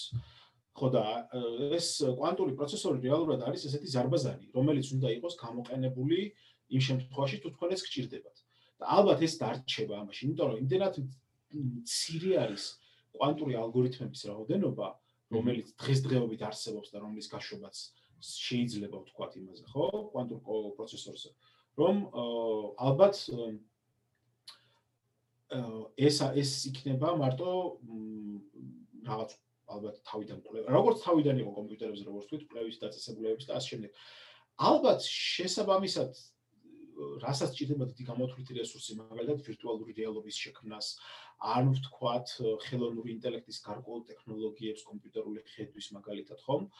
აი ამ მიმართულებით ალბათ უკვე ვინც ამ მიმართულებით აქტიურად კვლევას აკეთებს და ან პრაქტიკულ გამოყენებას ან აპროგრამებს, აი ასეთ ხალხს შეიძლება გქონდეს ვთქვათ კვანტური კომპიუტერი, კვანტური პროცესორის საჭიროება, მაგრამ აი ესე ვთქვათ მე და თქვენ მაგალითად რომ აღჭირდეს ვთქვათ კვანტური პროცესორის ჩაყენება დღეს პროცესორში. მე რო ჩავაყენო მე პირადად არც ვიცი ეხლა ამ წუთში რაში შეიძლება დამჭირდეს ეგეთი სიმძლავრე იმიტომ რომ ამ წუთში არ მაქვს არაფერი ისეთი ამოცანა. ალბათ ვეთყოდი ვიტყოდი რომ აი პირველი ალბათ COVID პანდემიას ვინც ებრძვის და ვინც ვაქცინაზე მუშაობს, იმასთან მივიდოდი და ვეთქოდი რომ აი კვანტური პროცესორი მაქვს და ალბათ გამოვთვალოთ რამე. მე რამ დამაინტერესა იცით რომ აი ერთია ეს გასაგებია, რა თქმა უნდა, უბრალოდ მონაცემების რაოდენობა ხო სულ იზრდება, ანუ სიტყვაზე აი იგივე შეიძლება თუ არა ეფიქრათ მაგალითად 40-იან წლებში, რომ აი იქ არის რაღაც სუპერკომპიუტერი, რომელიც ამ რაღაცს გამოც, მაგრამ მე რა შეიძლება დამჭირდეს მსგავსის რა უნდა გამოვთვალო. ანუ შეიძლება თუ არა სიტყვაზე რომ ამ სისტემა იმხელა რევოლუცია მოახდინოს, რომ გაიზარდოს შესაბამისად გინდაც ინფორმაციის საჭიროება იმ ხრივ რომ იმხელა ინფორმაცია იყოს რომ ზუსტად რავი რაღაც ეტაპზე შეიძლება ჩვენც მოვიხმაროთ ყოველ აი მე იქ მაინტერესებს ხოლმე საერთოდ არის ამ კვანტურ კომპიუტერებზე საუბარო ანუ თქვენ ფიქრობთ რომ აი ეს რაღაც ყოველდღიურ მოხმარება შეიძლება არ იყოს ეს მაინც იგი საბოლოოდ მე დიდი ეჭვი მაქვს რომ ყოველდღიურ ესეთ მოხმარებაში კვანტური პროცესორის გამოყენება ყოველდღიურ მოხმარებაში კვანტური პროცესორი არ იქნება გამოყენებული ყველა კომპიუტერი არის ალბათ არ იქნება აღჭურვილი იმიტომ რომ უბრალოდ საჭიროება არ არის. ერთადერთი იმ შემთხვევაში მოხდება ალბათ ანუ კიდევ ამ თუ მაგალითად აა მოხდება რადიკალური ცვლილება იმ თვალსაზრისით რომ რაღაცნაირად არ ვიცი გადავედით მთლიანად ვირტუალური რეალობის გამოყენებაზე ძალიან ინტენსიურად ხო? ამ შემთხვევაში დაგჭირდება ამ შემთხვევაში აუცილებლად დაგჭირდება, მაგრამ ამას თავისი დადებითი მხარეებიც აქვს, უარყოფითი მხარეებიც აქვს, არ ვიცი, რთული სათქმელია. განსაზღვრა ძალიან რთულია კი. ეს ხო განსაზღვრა ძალიან ძნელია. მე მგონია, რომ ალბათ პირველ ეტაპზე ეს არ მოხდება. თუ ჩვენ აქტიურად დავიწყებთ, თქვა, ანუ კომპიუტერული მეცნიერებებში ვინც არის ჩართული პროგრამისტები, თქვა, ხელოვნური ინტელექტის ტექნოლოგიების ინჟინრები, მანქანური სწავლების ინჟინრები, მონაცემთა მეცნიერები, ვიზუალიზაციის მომუშავე, გრაფიკოსები და თუ დავიწყებთ. ალბათ გრაფიკოსებსაც დაჭირდებათ, იმიტომ რომ ეს რენდერის დრო შემცირდება. აა დავიწყებთ აქტიურად გამოყენებას ალგორითმების, ხო? აა კვანტური ალგორითმების მაგ შემთხვევაში, ხო, ალბათ შეიძლება გამოჩნდეს ეს ყოველდღიურ ხმარებაში. ნახოთ, ანუ ეგ რთული სათქმელია. ერთი ფაქტი არის, რომ ჩემი აზრით, კომუნიკაციაში, ანუ ეს ასე ვთქვათ, კვანტური ინტერნეტი ალბათ ალბათ იმედი მაქვს, იმიტომ რომ ძალიან უსაფრთხოს გახდის ყველა. აი, მაგაზე მინდოდა ზუსტად გადასვლა კვანტური ინტერნეტი. ალბათ შემოვა ეს აქტიურ ხმარებაში, მაგრამ ისევე როგორც არ გიდგათ თქვენ მაგალითად ახლა სახში რაღაც უძვირესი ქსელური მოწყობილობა და ეს დგას თქვა თქვენ ინტერნეტ პროვაიდერთან, ალბათ ეს კვანტური კომპიუტერებიც იდგმება რაღაც ინტერნეტ პროვაიდერებში და თქვენ ჩვეულებრივად მოგეწოდებათ ინტერნეტი როგორც მოგეწოდებათ. ხო, იმიტომ რომ აი ამ ხრივ ბოლო დროს მართლა რაღაც სამბეური სიახლე იყო ეს კვანტური ინტერნეტთან დაკავშირებით, იმიტომ რომ აა იქ რაღაც ერთი ახალი სოფლიო რეკორდი მოიხსნა. აა მეორე მხრივ ეხაც სულ რამდენიმე დღის წინ იყო რომ ჩინელებმა ეს რაღაც დრონების გამოყენებით თუ ნახეთ არ ვიცი, დრონების გამოყენებით რომ მოახერხეს ხო ამ ფოტონების და ამით რაღაც ტელეპორტაცია ამ ნაწილაკების ანუ აი ეს რაღაც ეტაპზე მე მგონი რომ შეიძლება უფრო ახლოს არის ხო? შეიძლება იყოს რაღაც კვანტური ინტერნეტი ეს ხო კვანტური ინტერნეტი შედარებით ახლოს არის. კვანტური ინტერნეტს ალბათ ხო ეგეც საინტერესოა როგორ მოხდება მაგის ხო აი გუნდა მეკითხა რამდენად შეიძლება რომ აი ესეთ კლასიკური კომპიუტერში პირობითად ვამბობისა რა კვანტური ინტერნეტი იყოს ან თუ არ იქნება ხმარებაში კვანტური კომპიუტერი ყოველდღიურად შეიძლება იყოს ისე რომ ინტერნეტი კონდეს კვანტური აქ უკვე საუბარია ტელეპორტაციაზე, ხო, ინფორმაციის, ანუ ესეც რო თქვათ ალბათ სვენელისთვის საინტერესო იქნება, და რა არის ხო კვანტური რეალურად ინტერნეტი რაზე ფუნქციონირებს იმაზე, რომ ორი ნაწილაკი ერთმანეთისგან რაღაც უხილავი იმით არის გადახლართული, ხო, ჩახლართული ერთმანეთთან დაკავშირებით. ხო, აი გადახლართულობის პრინციპზე, პრინციპი არის, ანუ როგორ ხდება ხო ამ ინფორმაციის ჩაწერა ამ კვანტში, ასე ვთქვათ, კვანტურ ნაწილაკში. აა უბრალოდ ნაწილაკში, იმიტომ რომ ნაწილაკი კვანტური ცის მატარებელია, ხო? აა ხდება ესე რომ ასე ვთქვათ აქვს წარმოიდგინეთ რომ ეს ნაწილაკი რაღაც რაღაც ღერძის გარშემო რაღაც მიმართულებით ბრუნავს ტრიალებს აი გაჩერებული სტატიკური არ არის ის მუდმივად ტრიალებს და აა თუ მაგალითად აღობენ ესე რომ თუ ორი ნაწილაკი არის ესე იგი ურთიერთ გადახლართული ანუ ურთიერთ შეჭიდული შეიძლება ესეც ითქვას და აა ერთი ვთქვათ ბრუნავს საათის ისრის მიმართულებით, ხოლო მეორე ბრუნავს საათის ისრის საწინააღმდეგო მიმართულებით, უდრიდო რომ მომავარტიებს სურათს და თუ ვთქვათ ერთ-ერთმა ნაწილაკმა შეიცვალა მიმართულება, მაშინ მეორეც სადაც არ უნდა იყოს ის და როგორც არ უნდა იყოს დაშორებული, ისიც იცვლის თავის მბრუნავებას, ბრუნვის მიმართულებას, ასე ვთქვათ. აა ხო და ეს, ანუ ეს იძლევა იმის საშუალებას, რომ მაგალითად მე თუ მინდა რომ ან ტელეპორტაციის საშუალებას იძლევა ასე ვთქვათ. ხო. ხო? რომ მე თუ ესეთი ორი ნაწილაკი მექნება მაგალითად ერთი ნაწილაკი მექნება დედამიწაზე პირობითად და მეორე ნაწილაკი მექნება მთვარეზე და მე აქვს თქვა აი დედამიწაზე შევცვლი ამ ნაწილაკის ბრუნვის მიმართულებას ავტომატურად მთვარეზე შეიცვლება ნაწილაკის ბრუნვის მიმართულება და მე გავაკეთებ ჩემი ცვლილების ტელეპორტაცია. ხო აი ეგაა ძალიან მაგარი რომ ანუ აღარ მოუწევს ესე ვთქვა რაღაც ინფორმაციას რაღაც მოძრაობა ჭალებში და ავტომატურად აისახება, ხო? მათ შორის შეიძლება იყოს ამ ქსელით იყოს დაკავშირებული ჩვენი კომენტები და ავტომატურად ისახებოდეს ეს ინფორმაციები, რაც კი, მაგრამ ეს ეს ისევ და ისევ არის ფოტონები რეალურად, რომელმაც უნდა გაიარონ ალბათ ოპტიკურ ბოჭკოვან კაბელში. ეს ისევ და ისევ არის შიფრაციის ჩვეულებრივი სქემა, როდესაც ამასაც ახიან ესე იგი სინქრონული შიფრაცია ღია გასაღებებით. აა ხო, და ეს არის რა ქვია, მასინქრონული შიფრაციის დროს ღია გასაღებების გამოყენების დროს რეალურად ეს გასაღებები თქვენთან ინახება მაინც პირდაპირ პერსონალურად. და დამოკიდებული არის უკვე თვითონ პროვაიდერზე და ინდუსტრიაზე როგორ აეწყობა ამას. ამაზე შეიძლება დარჩეს თქვა თქვენ არ მოგიწიოთ კვანტური პროცესორის დაყენება იმიტომ რომ ძვირი სიამოვნება იქნება ეს თავიდან წასახად და კვანტური პროცესორებით აღჭურვილი სერვერი თქვა იდგას ინტერნეტ პროვაიდერთან და იქ მოხდეს უსაფრთხოების უზრუნველყოფა და თქვენთან წამოვიდეს უკვე დაშიფრული ინფორმაცია, ან ალბათ შემდეგ ეტაპზე, ну, თუნდაც რაღაც ქსელური მოწყობილობა იქნება ალბათ აღჭურვილი მიკრო კვანტური პროცესორით, რომელიც ამას გააკეთებს, უზრუნველყოფს დაშიფრვის მაღალ ხარისხს უსაფრთხოებას, ხო? ა ტელეპორტაციის საშუალებით ინტერნეტის გადაცემისთვის არანაირად არ არის საჭირო, რომ ჩვენი კომპიუტერები იყოს აღჭურვილი კვანტური პროცესორით. კი ბატონო. და უკვე შიფრაციის და დეშიფრაციისთვის აი მან შეიძლება გახდეს საჭირო თუ მოვინდომებთ რომ ჩვენ გქონდეს ეს. თუ არა და შეიძლება პროვაიდერს გქონდეს თავისი რაღაც შიფრაციის სისტემა. აა გამგამიჩდება. ხო. აი არის. კი, კი, კი.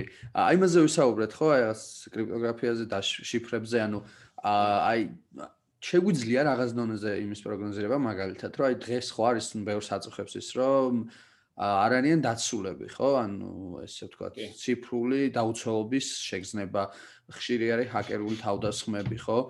აი ამ ხრივ როგორ წარმოგვიდგენია, ანუ იქნებიან კვანტური კომპიუტერის ჰაკერები? თუ ეს სისტემა ისეთ თვითონ შეიძლება ეს რაღაც საერთოდ გაქრეს. ამ პირიქით უფრო გაძლიერდეს აი კონტროლის ხრივადაც აი ტოტალური კონტროლი შეიძლება თუ არა იყოს ეს. ფერს გაუჩნდება უბრალოდ ამას შეკითხები და აი საინტერესო ეს არის ზუსტად რომ ეს ანუ ის პრინციპი რაც ახლა ამ წუთში ედება საფუძვლად კვანტურ კომუნიკაციას და კვანტურ ქსელს ხო ინტერნეტს არ იძლევა იმის საშუალებას რომ ვიღაცა ჩაერიოს შუაში. ხო. არ არის ეს ესე მარტივი და რეალურად კომუნიკაცია მართლა არის მარტო ორ ადამიანს შორის თუ ორივე ორივეს კომპიუტერი აღჭურვილი არის კვანტური პროცესორით. თუმცა როგორც წესი მე ანუ თავიდან ეს შიფრაცია და შიფრაციის და კრიპტოგრაფიის ალგორითმებიც ისე იდეალურად დაცული ეგონათ, მაგრამ ხო, ან რაღაცა ვიღაცამ შეიძლება მაინც რაღაცა იპოვოს, ხო, რთულია. ეს ეს ის დამოკიდებული რა, აი როგორც გარღვევა მოხდა მაგალითად ახლა იმაზე, რომ ოთახის ტემპერატურას შესაძლებელია ლაზერებით აა ვთქვათ, კვანტური კვანტური თვისებების მართვა, ხო? აი ესეთი რაღაც გარღვევა თუ მოხდა, რომელმაც კიდე რაღაც დამატებითი შესაძლებლობები გააჩინა. შესაძლებლობებს აქვს ყოველთვის ორი მხარე. ერთი რომ შეგვიძლია რაღაცა ძალიან მაგარი შექმნა და მეორე შეგვიძლია ამის საპირისპირო შექმნა. ხო და აი როგორც იმათ გაუხარდათ, თქვათ, ჰაკერებს გაუხარდათ, რომ რა მაგარია კვანტური პროცესორიო, ყველა არსებულ შიფრაციის კოდს გავტეხავთ, იმიტომ რომ მარტივ რიცხვს ადვილად დავითვლითო, მე აღმოჩნდა რომ კვანტური იმითი რა ქვია კომპიუტინგი შესაძლებელია ასევე შიფრაციის ძალიან მაგარი ალგორითმები. ხო, სვატჩერს აი სტატიები რო გადავხედე რაღაცებს, იყო ზუსტად აი სხვადასხვა სტატიები საერთოდ სხვადასხვა გამოცემების, რომ იქ ეწერა რომ აი კვანტური კომპიუტერები გვპირდება იმას რომ სიტყვაზე ვიქნებით დაცულები და მე სადღაც შეიძლება ექსტრას კვანტური კომპიუტერი შეიძლება ნებისმიერ ინფორმაციის გაშიფრა. ასეა, ხო, ანუ ისე აბალანსებს ერთმანეთს ორივე ეს ეს ძალა ანუ ერთი ერთ შესაძლებლობასაც გაძლევს და საფრთხესაც ქმნის. ახლა ჩვენზეა დამოკიდებული. ხო. რაღაცა ბლოკჩეინთან შეგვიძლია დავაკავშიროთ ეს ამ სიტყვაზე თუ ეს იქნა იმდენად დაცულია, საერთოდ შეიძლება იყოს რომ ბლოკჩეინის საჭიროებაც აღარ იყოს მსგავს სისტემების? აა არ არის გამორიცხული, კი. აა რეალურად ამ წუთში რაც არის ცნობილი, აა აი ეს ფილტრების მექანიზმი, სპინების მექანიზმი რაც დევსს და ის რომ ეს არსებობს ესე იგი აა კლონირების აკრძალვის თეორემა, ხო, იძლევა ძალიან მყარ თეორიულ საფუძველს, რომ ბლოკჩეინის საჭიროება აღარ უნდა იდგეს, იმიტომ რომ ბლოკჩეინს თავისი ერთი სერიოზული ნაკლი აქვს. მისიდან ინფორმაციის ამოშლა ძალიან ძნელია. აჰა. ანუ შენ თუ ბლოკჩეინში რაღაცა ჩაწერე, იქიდან იმას ვეღარ ამოშლი. თუ ამოშალე და დაიღო მთელი პრინციპი. ხო. ხო და ამ შემთხვევაში აი ეს კვანტური კრიპტოგრაფია უკვე კომუნიკაცია რაღაცნაირად ამ პრობლემასაც ძალიან კარგად აგვარებს. უფრო შემდეგი ეტაპი. მოგეუბნებით, მაგრამ ხო აი 2025 წლის სამომენტო უკვე გამოჩნდება ესე მასიურ წარმოებაში კვანტური პროცესორები. ძალიან მაინტერესებს. თუმცა რამდენ კუბიტიანი იქნება, ეგ კიდე საკითხავია. თუ თქვა 10-ან 15 კუბიტიანი იქნება, და თქვათ მისი ოპერაციების რაოდენობა ერთ ჯერზე იქნება შეზღუდული, რაც ნიშნავს იმას, რომ შეიძლება კიდე თავისებურება აქვს რა, რომ თქვენ მაგალითად ვერ შეძლებთ რომ გამოიყენოთ ამ წუთში კვანტური კომპიუტერი მუდმივად 24/7-ზე. რაღაცა რაოდენობის ოპერაციებს ჩაატარებთ, შემდეგ აუცილებლად დაგჭირდებათ რომ გაანულოთ ყველაფერი და თავიდან, ასე ვთქვათ, დაიწყოთ პროცესი, ანუ ასე ვთქვათ, სიცოცხლის ხანგრძლივობა კვანტურ პროცესს თვითონ გამოთვლით პროცესს აქვს ძალიან ცოტა. შეიძლება ეს თქვა 1 წუთამდე ან 5 წუთამდე თუ გაზარდეს, ეს უზარმაზარი მიღწევა იქნება. აა ხო, ანუ ეგ არ ნიშნავს იმას, რომ კვანტურ პროცესორს ჩააყენებთ, ჩართავთ და ესე 24 საათი ვიცე იქნება. არა, ხმაურის აი ეს კოჰერენტულობის კი აა მომენტი ძალიან ცით პრობლემას ქმნის რა. აჰა. გასაგებია. აი სიმძლავრეებზე ვსაუბრობთ, მე ერთი მომენტი მაინც ვსაუბრეთ ვირტუალურ აა რეალობასთან დაკავშირებით, ხო? ამ ხრივ არის საინტერესო, აი, ნუ დღეს ანაქტუალური თემა არის ხელოვნური ინტელექტი, ხო?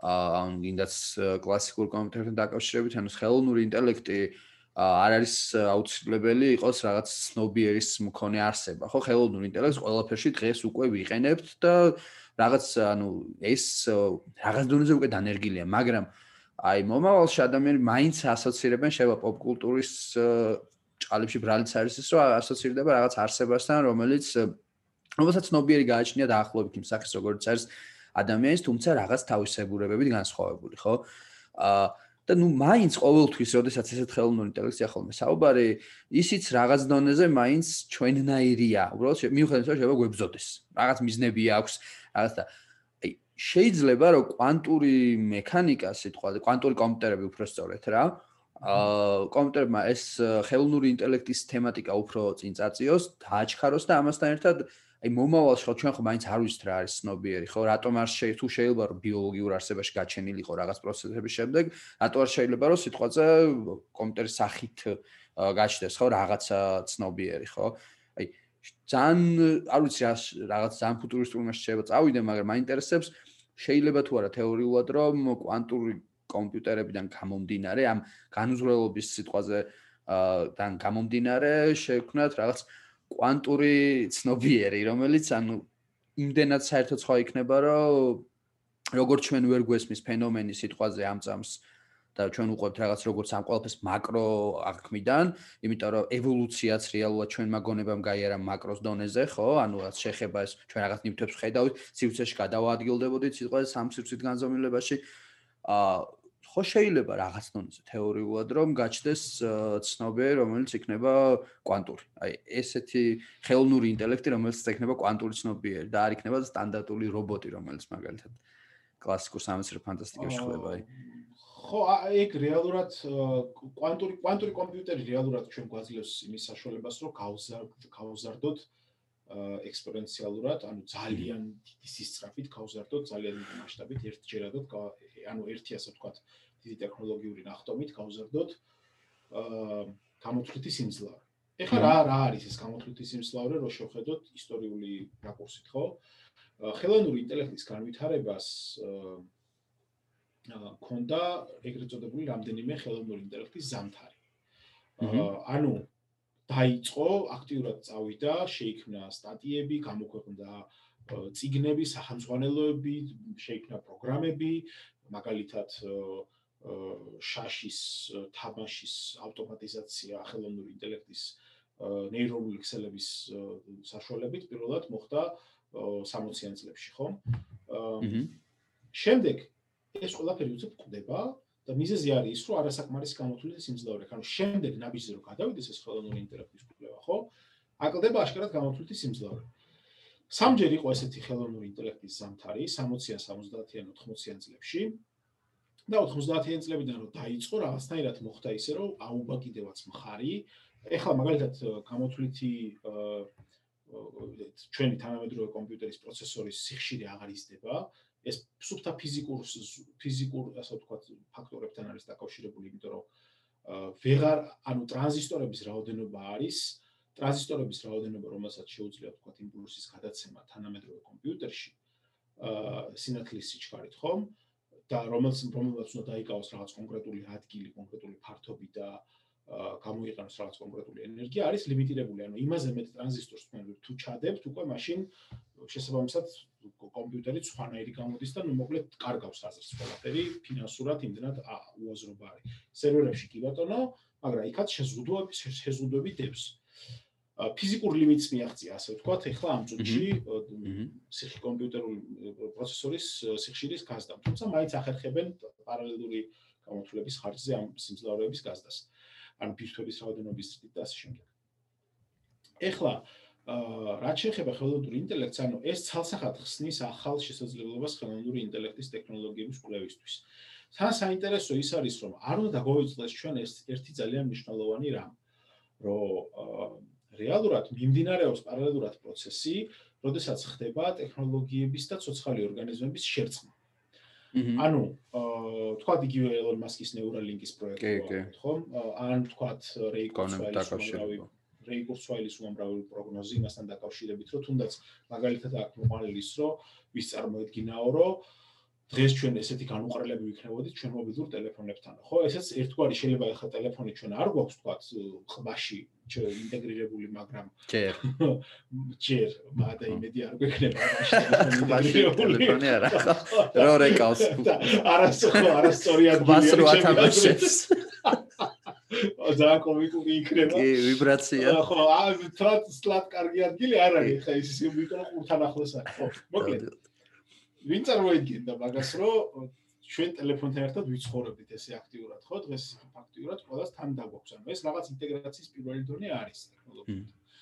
და სავარაუდოდ ესე გაგრძელდება, იმიტომ რომ ცნობიერების პროცესი, როგორ რა ყველა ადამიანი უნიკალური არის, ისევე როგორც ფოტონის კვანტური მდგომარეობა, ხო? ანუ ამ თვალსაზრისით ძალიან გავს რაღაცნაირად ეს კვანტური მექანიკის პრინციპები და ადამიანის ცნობიერება ერთმანეთს. ხო, ანუ რთულია, როგორც აი ეს კლონირების აკრძალვის თეორემა არის კვანტურ ფიზიკაში, ისევე არის ადამიანებსაც რო შეხედო ორ ერთნაირ ადამიანს ვერ იპოვით, თუნდაც თუმბებიც კი განსხვავდებიან ერთმანეთს. კი ბატონო. ცნობიერებით პირველ რიგში ხო და მ ეს ძალიან რთული საკითხი არის ცნობიერებას რეალურად ჩაუწდებით ბოლომდე როგორ მუშაობს თუ ვერა, მაგრამ აქ ალბათ კიდე ნეირო ნეირომეცნიერების წვლილი არის მნიშვნელოვანი, რომელიც თანდათან უფრო აზუსტებენ ადრე მაგალითად ეგონათ რომ თქვათ ნეირონი საკმაოდ მარტივი ასე ვთქვათ უჯრედი იყო ადამიანის ორგანიზმში რომელიც რაღაც იმპულსებს ატარებდა ზემოდან ქვემოთ ქვემოდან ზემოთ ეხლა აღმოჩნდა რომ ეგრე არ არის თვითონ ნეირონის შიგნით არის ძალიან რთული სტრუქტურები. ნეირონებს შეუძლიათ რთული სტრუქტურების შექმნა. და უცნაური ისაა რომ ეს სტრუქტურები იქნება ჩვენ ჩვენი ასე ვთქვათ სხვა ემოციებისგან. რთული სისტემა არის ადამიანის ნივთიერებათა ცვლა ფიზიოლოგია ყველაფერი ერთმანეთთან გავლენას ახდენს. მათემატიკურად თუ შევხედავთ ეს არის ძალიან ბევრი ცვლადის ფუნქცია და აი ამ ცვლადის ფუნქციების, ამ ბევრი ცვლადის ფუნქციის მოდელირებისთვის არის გასაჭირო გამოთვლითი რესურსი.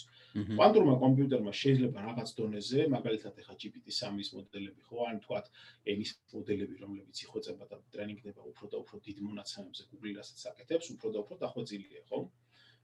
დატრენინგება რას ნიშნავს, რომ იქ არის რთული მათემატიკური ამოცანა, რომელიც უნდა გადაწყდეს მილიონობით ან მილიარდობით პარამეტრების გამოთვლით. ანუ ამ გამოთვლას მიაღწია. კვანტური კომპიუტერი გვეუბნება რომ ამ გამოთვლას მე თქვა შენ რო ერთი წელი გჭირდება მე 200 წამში ვიზამო. აა ხო და შესაბამისად გავლენას მოახდენს, მაგრამ იმ დროს, როდესაც კვანტური კომპიუტერი გავლენას მოახდენს ხელოვნურ ინტელექტზე, ჩვენ რა ეტაპზე ვიქნებით ტექნოლოგიებთან მიმართებაში, ეგ არის კიდე ცალკე საკითხი. ზოგადი ანუ generalized AI-ის განვითარება, ეგ დიდი დისკუსიის საგანია. ხო, ნამდვილად და ცალკე თემაა კიდე, რომ როგორ იქნება საერთოდ ეს თუ კვანტური კვანტური ტვიდი ექნება. ხო, ეგ კიდე ეგ მართლა. ხო, ან ეგ საერთოდ უკვე სამამდვილად რაღაც შემდეგი ის არის, როგორც ჩვენ ტვინი ვერ წარმოიდგენს ყოველ შემთხვევაში. აი, კვანტურ ტვინზეც უცებ გეტყვით მაშინ ორი სიტყვით, რომ აა კვანტური არის თორე ჩვენი ტვინი, ბევრი ამას რომ კვანტური არის. მაგასაც ამბობენ, კი. ხო, კი, ამბობენ და ჩვენ თუ შევხედავთ აი საფუძვლებიდან გამომდინარე რასაც ახლა ვისაუბრეთ, ხო? რეალურად ვერ გამოდის ჩვენი ტვინი კვანტური, იმიტომ რომ როგორც კი ეს კოჰერენტულობის პრინციპი ირღვევა, ხო? ეს კვანტურობის ეფექტის ხრება. ანუ ერთდროულად ეს სუპერპოზიციის მოვლენა იგარგება. ანუ ჩვენი ტვინი იქიდან გამომდინარე რომ არის მაკრო ასე ვთქვათ, გარემოზე ადაპტირებული. მაკროს ხეული ასე ვთქვათ, გარემოზე ადაპტირებული. ხო, ამიტომ ვერანაირად ვერ იქნება კვანტური და ეს არის ჩვეულებრივად დეტერმინისტული, ასე ვთქვათ, პროცესების ერთობლივი. კი. თუმცა აი ცოტა წინას წავიდეთ, არიან საერთოდ ადამიანები, მეცნიერებიც მათ შორის, ვისაც თეორიულად იმასაც წარმოიდგენენ, რომ კლიენტ სამყაროა ჩვენი, ანუ კვანტური კომპიუტერი და ნუ აი რაღაც კვანტურ კომპიუტერში ვართ, ნუ ესეც ხა სიმულაციურ სიმულაციაში რო ვცხოვრობ. ხო, ნუ ეს უკვე კიდე ცალკე თემა არის ალბათ. ეს გამდუდოთ. არის მაგის არგუმენტები, რომლე აი მაგალითად ეს კვანტური ურთიერთგადახლართულობის პრინციპი, რომ არ ღვევს რომ სინათლის სიჩქარეზე უფრო სწრაფად ვრცელდება ეს ინფორმაცია, ეს აძლევთ იმის იმის ეჭვის საფუძველს, რომ სიმულაციაში ვცხოვრობთ და არის კიდე მეორე, რომ ნუ არ არის ეგრე და თავისი მტკიცებულება აქვს მაგას, ხო ეს ნამდვილად ცალკე მე შორს ვარ ასე ვთქვათ მაგლებს. კი, კი, კი, კი, ცალკე პოდკასტის თემა არის. ნამდვილად ცალკე. კარგით, მაშინ რაღაც ბოლოსკე რო წავიდეთ, ალბათ საინტერესო იქნება, აი მაინც შევაჯამოთ რაღაც, ანუ რა შეიძლება რომ თავარი დადებით იყოს მეტნაკლებად ვისაუბრეთ ამაზე. აი უარყოფითების თუ შეიძლება რაღაცა, რაც შეიძლება ამ ეტაპინასო საშიშიც იყოს, აი რაღაც ესეთები თუ არის, თუ აქვს ამ სხვაზე კვანტურ კომპიუტერს განვითარებას. თუ არის ეგეთი რაღაცები და საბოლოოდ მე შევაჯამოთ იმით თუ აი უახლოეს მომავალში რა პროგნოზები შეიძლება გქონდეს შორეულ ჯართულია და იგინაც 2025 წელი ვახსენეთ აი რა პროგნოზებია ამ ხრივ და ნეონე შეგვიძლია დავასრულოთ ალბათ. ხო, უარყოფითი ალბათ ერთი პირველი რაც ყველაზე ესე თავში მომდის აზრად და რაც გამიგია და მინახია არის ის რომ აა ყველაზე დიდი გავლენა ის რომ სოციალურ მედიას ძალიან დიდი გავლენა აქვს, გავლენა ისდება ვთქვათ პოლიტიკურ პროცესებზე, საზოგადოებრივ პროცესებზე, ეს ფაქტია და ბოლო მოვლენები მთელი მსოფლიოს მასშტაბით ამაზე მეტყველებს. აა აი მანდ ფეიქ ნიუსების წილი ძალიან დიდია და კვანტური კომპიუტერის გამოყენებით უკვე შესაძლებელი იქნება სავარაუდოდ აი სოციუმზე გავლენის მოხდენა ბევრად უფრო ისეთი დიდი მასშტაბით, რომ მაგისგან თავის დაცვა არ იქნება იური, ჩემი აზრით. დეзинფორმაციას კუთხით. დეзинფორმაცია აა დეзинფორმაცია არასწორი ვთქვათ რამოდენს ინფორმაცია არასწორი აღქმა პროცესების ამაზე დღეს ხდება უკვე ხო ეს ძალიან კონსპირაციების და ვაქცინებზეც რაც ხდება დღეს და თუ მაგალითად მოხდება ის რომ განვითარდება აა ვთქვათ ხელოვნური ინტელექტის ტექნოლოგიების განვითარება ასევე შეიძლება მომიტანოს ისიც რომ ნელ-ნელა დაიკარგოს თქვა და ეხა ბევრი არსებობს ხო უკვე ასე თქვა წამყვანების მთელი სატელევიზიო ინდუსტრია შეიძლება გადავიდეს ასე თქვა ვირტუალურ რეალობაზე სიმულაციებზე გრაფიკული დიქტორები ანუ AI powered დიქტორები იყვნენ და არა თქვა ადამიანები ხომ აი უკვე აქ შემდეგ ის რაგავლენას მოახდენს ადამიანის ფსიქიკაზე სოციუმზე და ასე შემდეგ ეს კიდე ცალკე ცალკე მსჯელობის საგანი არის ალბათ. მანდ რა თქმა უნდა არის თავის დიდი რისკები. ინფორმაციის დაცულობა უსაფრთხოება, პერსონალური ინფორმაციის დაცულობა უსაფრთხოება იქნება ალბათ ერთ-ერთი უდიდესი გამოწვევა, თუ მაგალითად ვერ მოესწრო, თუ მაგალითად გამოვიდა მოხმარებაში 2025 წლისთვის კვანტური პროცესორი და ამ დროისთვის ვერ მოესწრო კვანტური შიფრაციის ანუ კვანტური კრიპტოგრაფიის მოდულების შექმნა, მაშინ გამოვარო შევრჩებით ჩვეულებრივი შიფრაციის მეთოდებით, კვანტურ კომპიუტერთან ერთად და ნუ ფაქტიურად ბან ჰაკერებს და black hat ჰაკერებს გულისხმობ ხო? ანუ ისეთ ისეთ ჰაკერებს რომლებსაც ინფორმაციის მოპოვება და უარყოფითად გამოყენება შეუძლიათ და მეც არის მათი საქმიანობა ძალიან დიდი შესაძლებლობები ეხსნება შესაძლოა ჩვენ ინფორმაცია რა როგორ ანაირად იქნება ეგ კაცმა არის ის დიდი რისკები არის მანდაც ამიტომ ეს რაღაცნაირად ერთდროულად ნამოხდეს აჰა სამხედრო მიმართულებით აჰა სამხედრო მიმართულებაში რას გულისხმობ? აა რეალურად, როდესაც იგეგმება თქვათ რაღაც გარკვეული სამხედრო ოპერაცია, თუნდაც ეკონომიკური პროცესი ან ეკონომიკური მოდელირება ხდება რაღაც გარკვეული ან კლიმატური მოდელირება, ხომ? აა მოდელირება გულისხმობს ყველა შესაძლო ვარიანტის შემოწმებას და იქიდან ოპტიმალურის არჩევას. აა სამხედრო მოქმედებების ეკონომიკური მოდელირების, თქვათ, ან კლიმატური მოდელირების შემთხვევაში ალბათ კვანტურ კომპიუტერები ძალიან დიდ უპირატესობას მოუტანს უცებ იმ აა სახელმწიფოებს, რომლებსაც ეს კვანტური კომპიუტერები ექნებათ. აი მაგალითად ვთქვათ, აა თუ რამდენიმე სახელმწიფოს ექნება სოფლიოში ეს კვანტური კომპიუტერი, მძლავრი, ვთქვათ 1000 და 2000 კუბიტზე მეტი სიმძლავრის კვანტური კომპიუტერი, ეს იმას ნიშნავს, რომ აა მათ შეიძლება ძალიან დიდი რისკი შეუქმნა მთელ დედამიწას პლანეტას, ხო? იმიტომ რომ ჩვენ ვიცით ახლა რომ მაგალითად ამერიკის სამხედრო ძალები მთლიანად იმართება რამდენიმე მძლავრი გამოთვლითი სისტემით, ხო? ეს არის გამოთვლითი კლასტერი, რომელიც განთავსებულია რამდენიმე ადგილზე ამერიკაში და მთელი ეს უზარმაზარი ესკადრების, თქვათ, წყნარი ოკეანის ფლოტის მასში ძალიან ბევრი ქვედანაყოფი არის. მათი ლოჯისტიკა, მართვა, სამხედრო ოპერაციების დაგეგმვა, წვნები და ასე შემდეგ, აი ამ ხალხის კოორდინაცია აა ამ ხალხის კოორდინაცია და ურთიერთქმედება მთლიანად არის დაფუძნებული აი ამ ძლაურ გამოთვლის სისტემებზე. ანუ ეს ამხელა, როდესაც საუბარი არის ათეულ ათასობით ადამიანზე და მათ რაღაც საერთო სამხედრო ოპერაციაში ჩართვაზე, მათი კოორდინაცია აუცილებელია და ეს კოორდინაცია მიღწეული აქვს რამდენიმე სახელმწიფოს თითქმის ჩამოსათვლ სახელმწიფოს სოფლიოში და კვანტური კომპიუტერი კიდევ უფრო გაზრდის ამის შესაძლებლობებს. და ამას დაუმატეთ კიდევ ის, რომ ეს ყველა ამ ყველაფერს კიდევ ემატება ის, რომ რეალურად იზრდება ავტონომიური მოწყობილობების შესაძლებლობებიც. ანუ თქვენ მაგალითად დღე რამდენიმე დღის წინ იყო სიახლე რომ ჩინეთმა თვარის ჩინურმა თანამგზავრებმა თვარის ბნელ მხარეზე დაჯდა და რამდენიმე ის ქონდა წაღებული რა ქვია თესლი ქონდა წაღებული სხვადასხვა სცენარის და ბამბის თესლმა გაიხარა რამდენიმე ფოთოლი გამოიღო და ნუ მე მოხდა ვეღარ განაგრძო განვითარება. ანუ ეს ყველაფერი რა თქმა უნდა განხორციელდა აპარატით რომელსაც მართავდა კომპიუტერი ხო ან გამოთვლითი სისტემა. ეხლა წარმოიდგინეთ თქვენ უკვე კვანტური კომპიუტერების სამხედრო შესაძლებლობა ეძლევათ რომ თქვა იგივე ეს კოლონიზაციის პროცესის ავტომატიზაცია მოხდეს ხომ?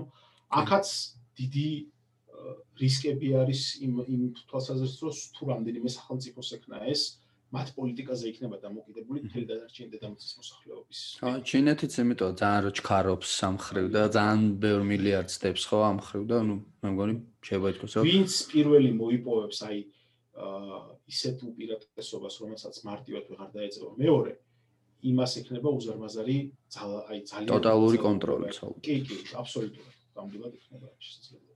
კი ბატონო. ეს დიდი რისკი, ანუ გლობალური რისკები არის აქ იმდენად უკვე ლოკალურ რისკებზე აღარც აღარავინ აღარ საუბრობს იმდენად ასე ვთქვათ, დაპატარავდა დედამიწა 21 საუკუნეში, რომ რა ვიცი. კი ბატონო. ხო და ნუ აი რაღაც პერსპექტივებს ვთქვათ, მაშინ თეორიას თუ ახლო მომავალში რა გვაქვს რაც შეიძლება შევეხოთ ხელით ესე ვთქვათ, გადავწყვეტ და შეგვიძლია ალბათ დავასრულოთ რა. ახლა მომავალში ალბათ მაინც ყველაზე უფრო საინტერესო არის ის, რომ ძირითადი მიმართულება გამოთვლითი სიმძლავრების როგორც თქვი არის აი ამ სიცოცხლის მეცნიერებების მიმართულებით. ძალიან აქტიურად მიდის დაბერების კვლევა, ძალიან აქტიურად მიდის იმ ფიზიოლოგიური არა, ალბათ უფრო ძალიან დაბალ დონეზე ციტოლოგიური და კიდევ უფრო დაბალ დონეზე ანუ უჯრედის და კიდევ უფრო დაბალ დონეზე პროცესების შესწავლა, რაც იწვევს ადამიანის და ზოგადად ცოცხალი ორგანიზმების დაბერებას. და უნიკალური მომენტ, უნიკალური თვისებების მატარებელი ცოცხალი ორგანიზმები ცხოვრობენ დედამიწაზე, რომლებიც არ ერთებიან საერთოდ, ხომ? ან რომლებსაც გააჩნიათ რეგენერაციის საოცარი უნარი, ხო, აღდგენის საოცარი უნარი. აი მათაც იკვლევენ, რომ აი ის საფუძველზე არის, მაგალითად, რომ ხვლიკის რო კარგავს, ხვლიკი რო კარგავს კუც, რანაირად არის, რომ ეზდება ისე, ხო? ან თქვათ მედუზა, რომელიც საერთოდ არ ბერდება. აა რანაირად არის როგორ ხდება ეს? ხო და აი ამ ამ მიმართულებით ჩემი აზრით იქნება ალბათ ცხოველი კვლევა, იმიტომ რომ აა საბოლოო ჯამში ადამიანის სიცოცხლე არის ყველაზე უფრო ღირებული და ფასეული. ასევე გამოთვლითი ეს ახალი დონის სიმძლავრე, რასაც კვანტური კომპიუტერი მოიტანს, ჩემი აზრით შეცვლის ალბათ უფრო ალბათ უფრო გაზრდის გაციფრულების ტემპს, გაზრდის დედამიწის მოცვას ინტერნეტით, იმიტომ რომ ესეც ერთ-ერთი სერიოზული გამოწვევაა. აჰა. რომ იაფი ტექნოლოგია არ არის ინტერნეტი და ინტერნეტით მოცული არ არის რეალურად დედამიწის 50%-იც კი. ძალიან დიდი ფართობი არის, სადაც ინტერნეტი საერთოდ არ არის და ამაზე მიდის ცალკე პროექტი, რომ მოხდეს მათი ჩართვაც განსაკუთრებით აფრიკის ქვეყნებს, სამხრეთ ამერიკის, აზიის ქვეყნებს. კი ბატონო. ალბათ ამაზეც ამაზეც ეს გააიაფებს, გაამარტივებს და დაასტრაფებს ამ ინტერნეტიზაციის პროცესს და ხო. ხელოვნური ინტელექტის მიმართულებით ჩემი აზრით გასაგებს კვლევის ტემპებს. კი ბატონო, ნუ ფაქტია რაღაც ძალიან დიდ მიჩნაზე ვართ და აა საინტერესო ეპოქაში ვცხოვრობ. კი ბატონო და რაღაც აი მართლაც ხვალანზე სიტყვაზე ვამბობ, შეიძლება გავიღვიძოთ და სრულიად ახალ სამყაროში ვიწყებდეთ უკვე შებიჯებას. ან შეიძლება უკვე შებიჯებული გქონდეს, ხო? შებიჯებული გვაქვს, ეხლა მივდივართ. ხო, ანუ ეგ უკვე ყოველდღიურობა მაგას მივეჩვიეთ, რომ ყოველდღე ვიცით, რომ რაღაც უნდა შეიცვალოს. მაგრამ თითქოს გვაქვს ის შეგზნება, რომ ამ ცვლილებებს თითქოს რაღაც პულსზე ხელი გვიდევს მეტნაკლებად, მაგრამ აი ყოველთვის ხდებოდა, ხო? იგივე აი, როდესაც რაღაცებს წინასწარმეტყველებდნენ ხოლმე, იგინაც ფანტასტები რო ავიღოთ, უფრო იყო ხოლმე საუბარი აი საუბრობ რომ მე 20 საუკუნის 50-იან 60-იან წლებში უფრო იყო რაღაც კოსმოსის ათვისებაზე იყო საუბარი, რა კოლონიზაციაზე იყო და ძალიან ცოტა ალბათ არც იყო არაფერი რომ აი ესეთი ციფრული სამყარო განესაზღვრეს, როგორც დღეს გვაქვს ჩვენ, ხო? ფანტასტებიც კი ვერ წარმოიდგენდნენ და აი უცებ მოხდა ის გაატრიალო, საერთოდ სხვა მხარეს წავიდა, უფრო ამ მხარეს წავიდა, შეიძლება ითქვას და ხვალაც აი რა იქნება, საიცავეს, აი როგორ გადატრიალდება ბოლომდე ამის განსაზღვრა ძალიან რთულია, თუმცა ძალიან საინტერესო ეპოქაში ვართ და ну кванტური კომპიუტერების ესე ვთქვათ მულტიფუნქციურობა თუ ყოველდღიურობაში გამოჩენა იქნება თუ ეს კიდაც უბრალოდ ხმარებაში იქნება იქნება საერთოდ ახალი რევოლუცია შეიძლება ითქვას როგორც გამოთვლითი კუთხით შეიძლება რაღაც სახეობისთვისაც ხო ალბათ? ცალსახად კი ანუ ეს ხო იმედი მაქვს რომ ეს იმუშავებს მაინც ცხოვრების ხანგრძლივობის გაზრდაზე და ხარისხის გაზრდაზე, ადამიანის ანუ კეთილდღეობაზე და არა ისკების მომატებაზე. კი ბატონო, ან გინას ტოტალურ კონტროლზე ან სახელმწიფოების მიერ ერთმანეთის დაჩაგვრას. კი ბატონო, აი რაღაც ამ კარგ და პოზიტიურ ნოტაზე დავამშვიდობოთ. ერთმანეთს შეგვიძლია ჩვენსაც დავამშვიდობოთ. ძალიან დიდი მადლობა. მადლობა თქვენ. სასიამოვნო იყო ნამდვილად. სასიამოვნო იყო ასევე ძალიან საინტერესო საუბარი გამოვიდა მე მგონი. კი, კი. მადლობა. მადლობა. აკ დაი დაგემშვიდობები. კარგად. კარგად, დავა, კარგად.